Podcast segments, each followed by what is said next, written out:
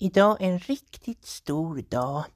För idag har Sverige fått sin första transperson någonsin i en regering. Det är helt otroligt. Ja, eller hur? Visst otroligt va? Alessa, det är ju helt sjukt kul alltså. Ja, för att det här betyder ju verkligen för oss som är mellan två kön och så vidare att vi blir bekräftade. Att det liksom de gamla normerna håller på att suddas ut. Som när man suddar ut ett, en text med suddgum och över skriver vi något nytt. Ja, det är historia. Först igår då så fick vi återigen en kvinnlig statsminister eh, efter att hon bara gjort en sju timmars mandatperiod eller ingenting. Sen det är då. Och nu så har hon börjat och så har vi fått en kvinna igår. Eh, och idag alltså så får vi en transperson i regeringen. Det är ju väldigt, väldigt, väldigt roligt. Det här är ju väldigt goda nyheter för Sverige och Sverige är ju ett land som behöver eh, visa att vi faktiskt är ett land där vi faktiskt går att lyckas oavsett vad man är. Om man är kvinna eller transperson. Att mannens eh, diktatur som mannen envälde håller faktiskt på att falla. Att vi får en värld där könet inte spelar så stor roll. Vare sig på arbetsmarknaden, politiken och så vidare. Och jag tror att det här är ju liksom framtiden för Sverige. Ja, sen tror jag också att kön överhuvudtaget är ju en... Det finns ju två sidor av kön. Dels har vi det biologiska könet och sen har vi det sociala könet. Och som jag pratade om tidigare så tycker jag ju att, eh, ett, som sagt, att man ska inte alltid behöva operera sig för att bli kvinna. Eller så, utan man kan ju så att säga vara en mental kvinna men en eh, fysisk man. Och jag menar att det finns två olika könsidentiteter. Dels den biologiska och den fysiska. Ja, och då tänker jag att man kanske ska ha två olika könsbeskrivningar på varje person. Ett mentalt och ett somatiskt kön. Eh, därför att jag tycker liksom ändå att ett, ett, en person som är fysisk man kan ju inte vara en fysisk kvinna. Det är ju två olika biologiska eh, variationer som liksom inte går att bortse ifrån. Och det behövs ju till exempel när det gäller sjukdomar och, och medicinsk och sånt. Då. Men sen kan vi ha den mentala delen som kan vara en helt annan. Så att jag skulle kunna tänka mig så här att eh, man pratar mycket om tredje kön. Att jag skulle kunna tänka mig att man har två könsidentiteter när det gäller eh, folkbokföringen. Ett kroppskön och ett, ett, eh, ett, ett, ett, ett mentalt kön. Uh, jag vet inte riktigt om man ska göra så med mentala, men att man istället skriver... För jag tror ju ändå liksom att, det, det som jag säger att en person som har uh, bytt kön till Eh, vagina och så här, hon har inte samma förutsättningar som en man. Därför att det är ju skillnad på själva den anatomiska delen av kroppen. Ja, och sen så har ju också, eh, som sagt då, eh, det finns ju massa olika skillnader i hormoner och sånt där då. Men jag tror just på det här att liksom dela upp könet i två olika säga, områden. Dels det mentala, det spirituella och sen det, det fysiska könet. Och då kanske det skulle vara lättare att förstå vad som är liksom, och då tänker jag liksom att det mentala könet är något helt annat än det fysiska könet. Men eftersom det ofta blandas ihop så blir det ju liksom att många, som vi pratade om förut i för tidigare avsnitt, att man liksom känner sig pressad att lägga sig under kniven bara för att liksom få bli det kön man vill, fast det kanske är ett mentalt kön man vill ha, eh, som är annorlunda då, det, identiteten då. Sen tror jag också, som du säger här med mentalt kön, att det kanske är också som så att, att eh, det här är ju liksom ett stort steg, för att det har varit mycket prat nu, eh, diskussioner kring, kring det tredje könet i Sverige. Att Sverige ska införa ett tredje kön och jag tror det arbetet kommer att snabbas på nu eh, om den här regeringen nu får jobba vidare då. Men eh, sen har vi ju då att vi får njuta av de här, vad är det, tre, fyra månaderna nu, månaderna nu, eller jag tror det är sex, sju eller vad det nu är. För att jag är ju övertygad om att det här kommer inte höger eh, eh, eh, falangerna gilla och med tanke på att brottsligheten ligger så högt upp så kommer nog ändå högen eh, vara ganska så konkurrenskraftig. För att eh, eh folk må, är, är, ju nu väldigt otrygga och då blir det reptilhjärnan. Och då dras man till partier som lovar hårdare tag, nästan dödsstraff. Och det är ju fortfarande faktiskt bara jag säga, Moderaterna och, och, och, och SD som leder i det här liksom. Ja, och då kommer vi få tyvärr en svensk Trump. Så det kommer nog bli en upprepning vi hade i London och, och, och USA där, där valen av partier kommer att hänga väldigt mycket på hur folk känner sig otrygghet. Och då får vi ju istället ett manligt kontrollsamhälle med liksom nästan dödsstraff för att liksom eh, nu är det står i vägen för, för Sverige då, men, och de normerna men, och grundlagen, men jag menar liksom på ändå att manligheten känner sig hotad för att det är så mycket liksom just med, med våld och sånt. Och det gör då att, eh, att man då liksom krävar och liksom vill ha en politik som är mer rakt på sak. Alltså det är en grej med kvinnor därför att vi ser ju det liksom att just med kvinnor, alltså när det gäller socialism, att socialism ser på brott och straff som en form av vård. Det är inte som en, ett straff i sig, utan det är en vård, att, som att om du är förkyld, att du får en medicin. Och därför ska straffen vara humana, därför att det heter kriminalvård och inte fängelse. Så att man menar på att, att, att, att om det är mycket våld i ett område så att man ska inte bara låsa in dem utan det är fel på området, det är kanske för låga bidrag, för hög arbetslöshet. Men Moderaterna jobbar mer med högerrealism som handlar om att straff och brott är individens ensak, det är inte samhället.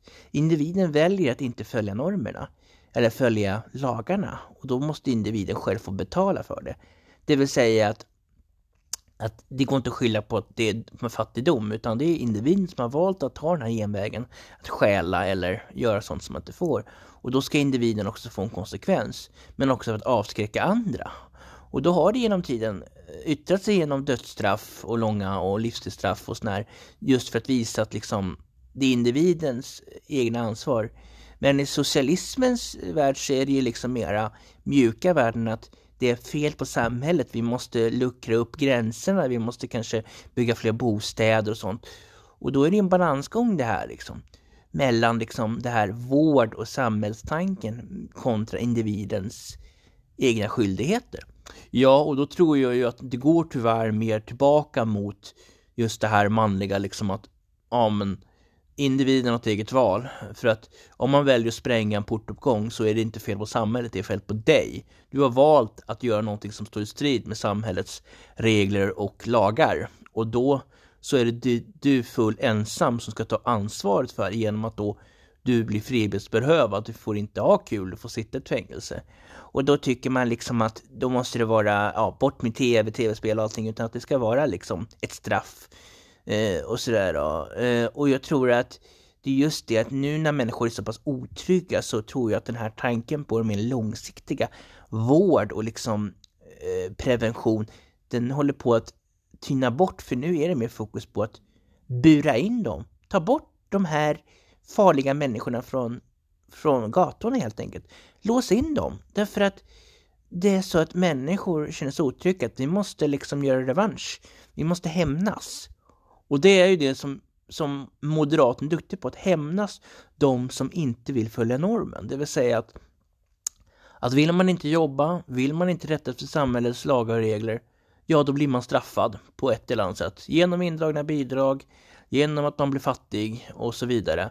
Det är ett bestraffningssamhälle helt enkelt. Och det är det som folk känner nu att det finns en ilska att vi behöver komma tillbaka till ett bestraffningssamhälle därför att våldet har blivit så grövt. Och det är också som så att Sverige får en status bland de kriminella att åk till Sverige för här är det bra konkurrenskraftiga straff inom citattecken. Alltså man menar på att man kanske som ett kriminellt vet att här i Sverige så är det inte lika, att säga, allvarligt att råna människan som kanske i, i, Danmark. Därför att i Sverige så är det eh, som så att det är lindre straff.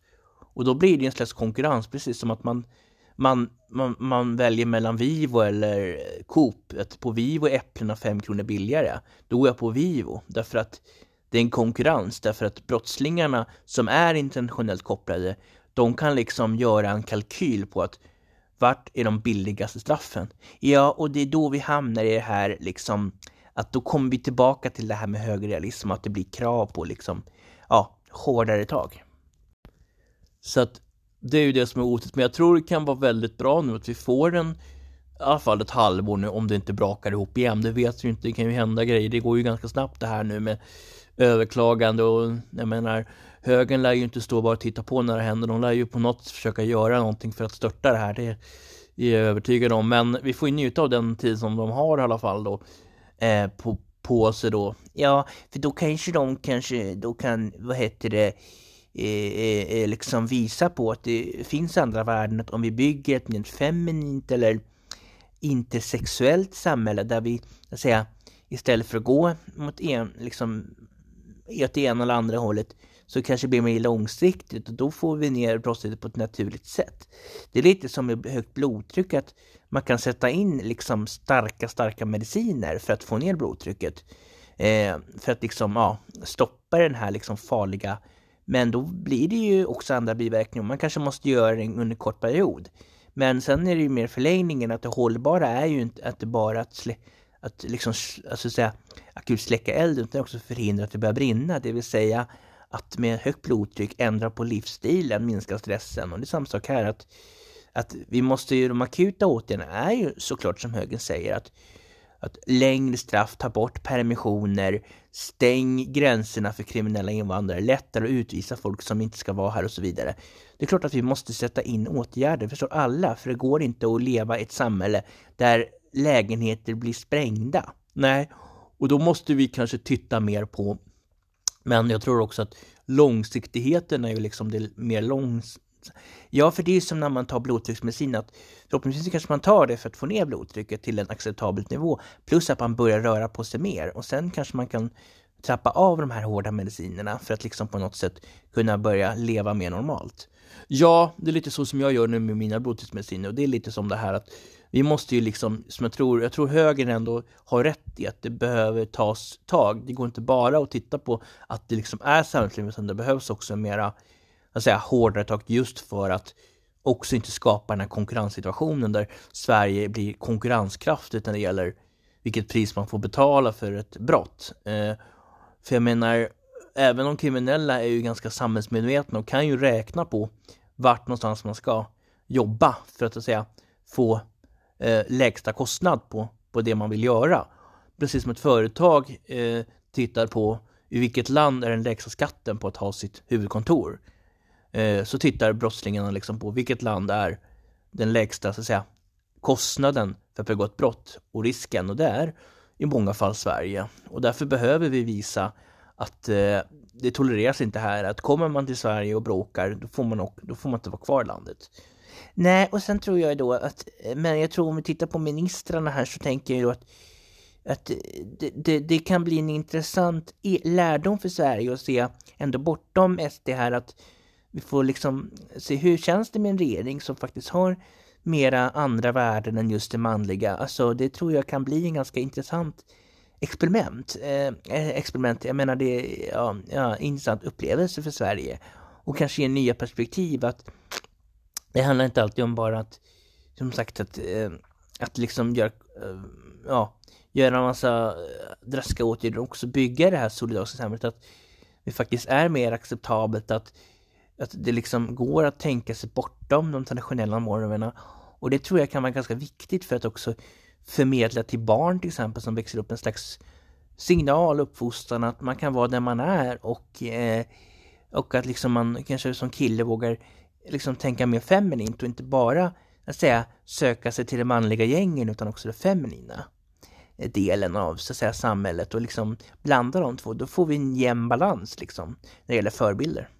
Ja, och sen tror jag ju som sagt att när jag var liten så hörde man ju mycket så här liksom att eh, slå, liksom, har du blivit slagen liksom, ja men du, fan ge dem lite stryk bara liksom, nu ska man få stryk, de ska ha Alltså det är ju det är så barn lär sig. De leker med, killarna leker med, med liksom leksaksgevär och sånt där medan tjejerna leker med dockor. Att det kanske vågar liksom på något sätt Barnen kanske, alltså det blir ju en signal till samhället att det, det går faktiskt att förändra hundra år gamla normer. Om inte äldre än så. Därför att det blir en signal liksom så att det kan vara en symbolisk sak som kanske får verkningar på våra normer och också att som då eh, att både en kvinna som är statsminister och att vi har en transperson i, i regeringen, att det kan ju bli liksom en signal till att att man kan liksom bredda sina sociala ah, normer och då kanske också skapa mera bättre förutsättningar för att unga då att att inte alltid våld är det enda man ska så att säga jobba med när det gäller makt utan kanske också mer med mjuka värden när det gäller killar. Ja, och det kanske då blir som sagt en, en mer, man pratar om att man då kväver elden och kyler av istället för bara eh, liksom spruta på lågorna för att hittills har ju hela Sverige bara nu handlat med med högerextrema fanatikerna att liksom ja nu är det liksom, nu är det bara hårda straff liksom. Mer liksom våld och, mer, ja, nästan så. Eh, och då tänker jag också att det här kanske också gör att det blir mer kontraster mellan oppositionen och, och högern nu och den nuvarande regeringen. Därför att, därför att nu kommer ju de här högerpartierna, tänker jag, under fram till valen, de kommer ju kunna använda det här för att, att säga, extremisera sin kommunikation när det gäller just eh, deras rykte nu när de kan peka på att Sverige blivit fjantigt och transigt och allt vad det nu är och att det liksom är bögar och det är muslimer och allt vad de nu vill hacka på. De blir liksom mer aktiva då på något sätt och det kanske gör att de på något sätt bränner ut sin, så att säga, äh, vad heter det, rykte därför att de kommer ju bli mera liksom så att det kanske blir ett sätt liksom att man kanske kommer liksom att köra sönder sina däck för att de kommer liksom att gå i taket nu och då kommer folk kanske se att de faktiskt är väldigt extrema. De vill inte folket bra de här SD och Moderaterna för att de liksom är, att säga, eh, blir mer extrema då. Nu är inte Moderaterna mot trans och, och sådär och invandring men ja, du förstår vad jag menar att de här högerpartierna liksom nu kommer att liksom överdriva ännu mera eh, medan liksom extremhögern då, för att de liksom vill försöka ta tillbaka det här liksom normförändringen, för de vill ju tillbaka det gamla Sverige. Och då kanske liksom folket börjar se liksom hur överdrivna liksom de är, att det här är inte seriös politik de bedriver. Eh, eh, Sverigedemokraterna och, och det här och då kanske liksom folk också tänker att det kanske är ganska bra ändå den här liksom steget vi tar, så det här kanske blir nästa revolution, precis som när homosexuella eh, friskförklarades i, i, i slutet av 1900-talet. Ja, och sen tror jag också att invandring är som sagt ett, ett ämne där vi kanske också måste börja titta på normer och sånt. Och, och det är kanske ett första steg då att vi har en, en normförskjutning, att det liksom blir en annan del där, så att säga, där extremhögern blir allt mer desperat nu när de liksom känner att de har liksom blivit snuvade lite på sin idé och de kommer liksom nu att bli mer och mer extrema och det kommer få folk liksom att tappa lite förtroendet och tänka liksom att nej, nu har det gått för långt liksom. Så att jag tror ju att det kanske liksom blir en det blir liksom som att de kommer att kanske välta sig själva lite högerpolitiken eh, nu. Men det är spännande i alla fall. Det är en väldigt spännande historia som skrivs nu oavsett vad som händer med folkets förtroende och eh, vi kommer givetvis följa den här utvecklingen i den här podden. Tack för att ni har lyssnat.